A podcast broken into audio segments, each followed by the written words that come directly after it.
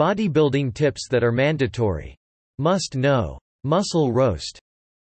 Here are some bodybuilding tips in case you decided to add some muscle, have hypertrophy and even lose some body fat.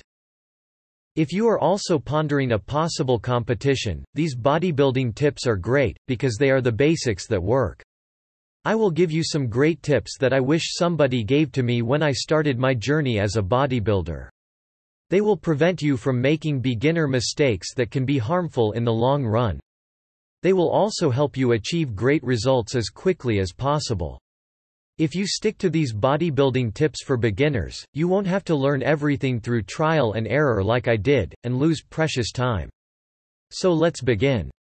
Focus on compound movements. This is very logical if you really think about it. How much more muscular can you become if you are able to squat 400 pounds, deadlift 500 and bench 300? How much can you gain through cable pec deck flies? Compound movements are always the best tool for gaining muscle, and bodybuilders know that. There are only a couple reasons bodybuilders do isolation movements. To give the muscle a different stimulus and shape the muscle once the mass is already there. To have a lighter workout and get blood in the muscle. Always try to increase strength. This is very logical and I am sure you have seen the proof. How many people in your gym are come regularly for years and train whatever is convenient with the same weight for years? Do they progress? Of course, they don't. In order to make progress, you need to keep pushing yourself. Only a new stimulus on the muscle will make your body grow and get stronger. That means increasing strength, and through that, you will grow muscle. Warm up properly. Many people ignore warming up before their workouts, and get injured eventually. In the beginning, you are going to feel like you can never get injured. With years of training, you are going to create a lot of mini tears in your muscles. As time goes on, without warming up, those mini tears can become very large tears that lead to injury. This is because the muscle is not properly warmed up. By taking your time to warm up, you will fill the blood into the targeted muscle, making it much less prone to injury. It's cool being a badass who starts his workout with three plates on the bench press.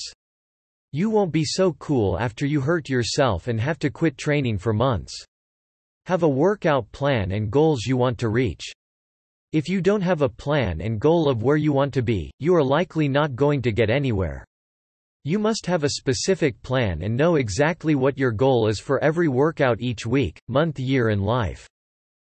If you know exactly what you are going to do before you actually get to the gym, you are much more likely to achieve that goal, and have a better workout.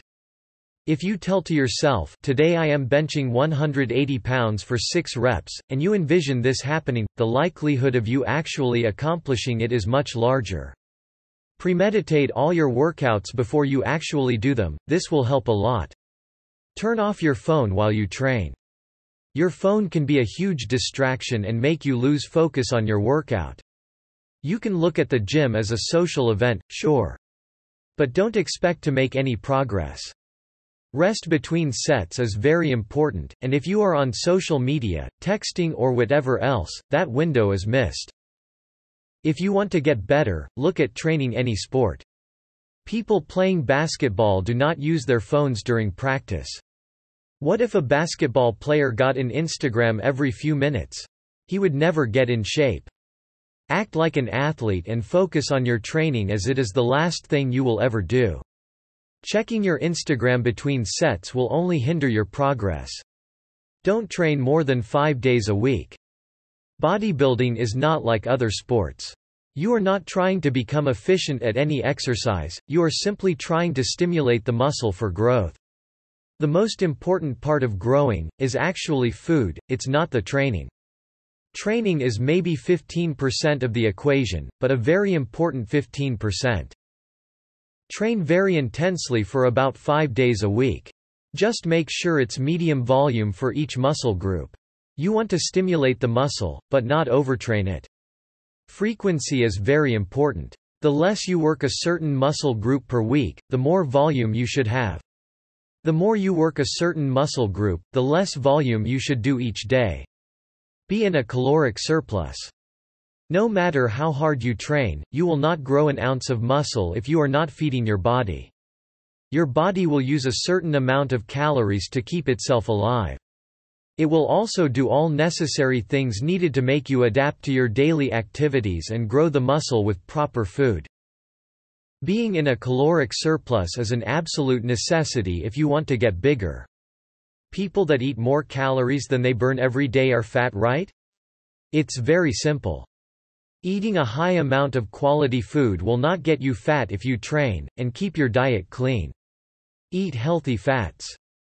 The sugar industry convinced you that fats are your biggest enemy, but the truth is fats are actually an essential macronutrient. Protein and fats are essential, carbs are not, they are only an energy source. Fats are going to make your hormones operate properly, and this will result in better muscle growth. Make sure that you eat only healthy, unsaturated fats, and only a little bit of saturated fats. Eat your vegetables. Vegetables are going to provide your body with a large amount of vitamins and fibers.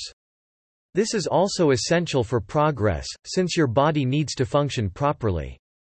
Without vitamins your body will not operate at its maximum capacity, and it will eventually crash. Fibers are going to make your body efficient at getting rid of toxins, and it will slow down the absorption of macronutrients.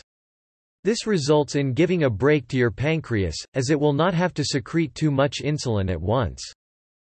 Eat a lot of protein. Carbs are energy, fats are energy and hormone production fuel, but protein is a building block. Nothing can build muscle aside from protein. Eating an abundance of protein will guarantee that you actually get bigger and stronger. If you don't do it, you will not see results. Everybody knows that protein is muscle builder, but everyone also thinks that you need massive amounts of it in order to grow. That is not true. New research shows that 20 to 30 grams of protein is more than enough after your workout to give your body what it needs to recover. Eating 1 gram of protein per pound of body weight is something commonly written about, but it's also not true. If you are on massive amounts of steroids, and a pro bodybuilder, you will need more, but the chances are, that you are not. Don't eat too many carbs. Eating too many carbohydrates will put a huge strain on your pancreas, making it secrete a lot of insulin in order to process the nutrient. Insulin is the most powerful and the most anabolic hormone in your body. Eating a lot of carbs will make it dull, and it will not work as good as it should. Without proper insulin production, a lot of the nutrients that you intake will be stored as fat, instead of being used to repair and build muscle tissue. People that are naturally muscular and lean, have genetically good insulin. Don't waste money on supplements. Supplements are a great aid if you are not able to have all the meals because you are too busy but they are not steroids and they won't do any magic for you. They are a luxury item and whole food is much better than powders and tablets believe it or not. Don't use pre-workouts.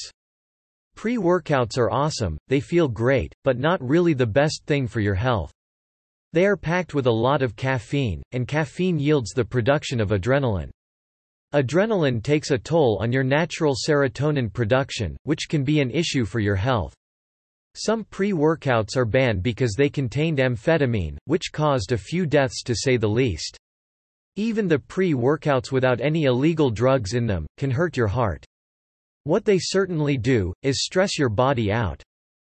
Higher stress levels in your body will cause cortisol production, resulting in protein muscle breakdown, making you smaller and weaker in the long run. Drink a lot of water between meals. Note that I said between meals, and not during meals. Drinking a lot of fluid while eating, will water down the digestive enzymes in your stomach, giving your stomach trouble digesting the food. Drinking a lot of water while you are not eating, and keeping your body properly hydrated, will make it more anabolic increasing the recovery process quite a bit. Sleep and rest more. Sleeping is the only time your natural growth hormone is produced, which is the second most anabolic hormone in your body, after insulin. There is a very little amount of growth hormone secretion happening after your workout.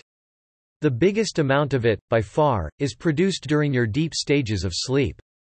Remember, you are not growing in the gym, you are growing at home when you are resting. A great pump can make you feel like you are growing in the gym, but that is absolutely not true. The gym is only the stimulus, eating and resting will make your body progress. Training is only the stress to which your body needs to adapt, and the adaptation process happens only after you recover from your previous workout.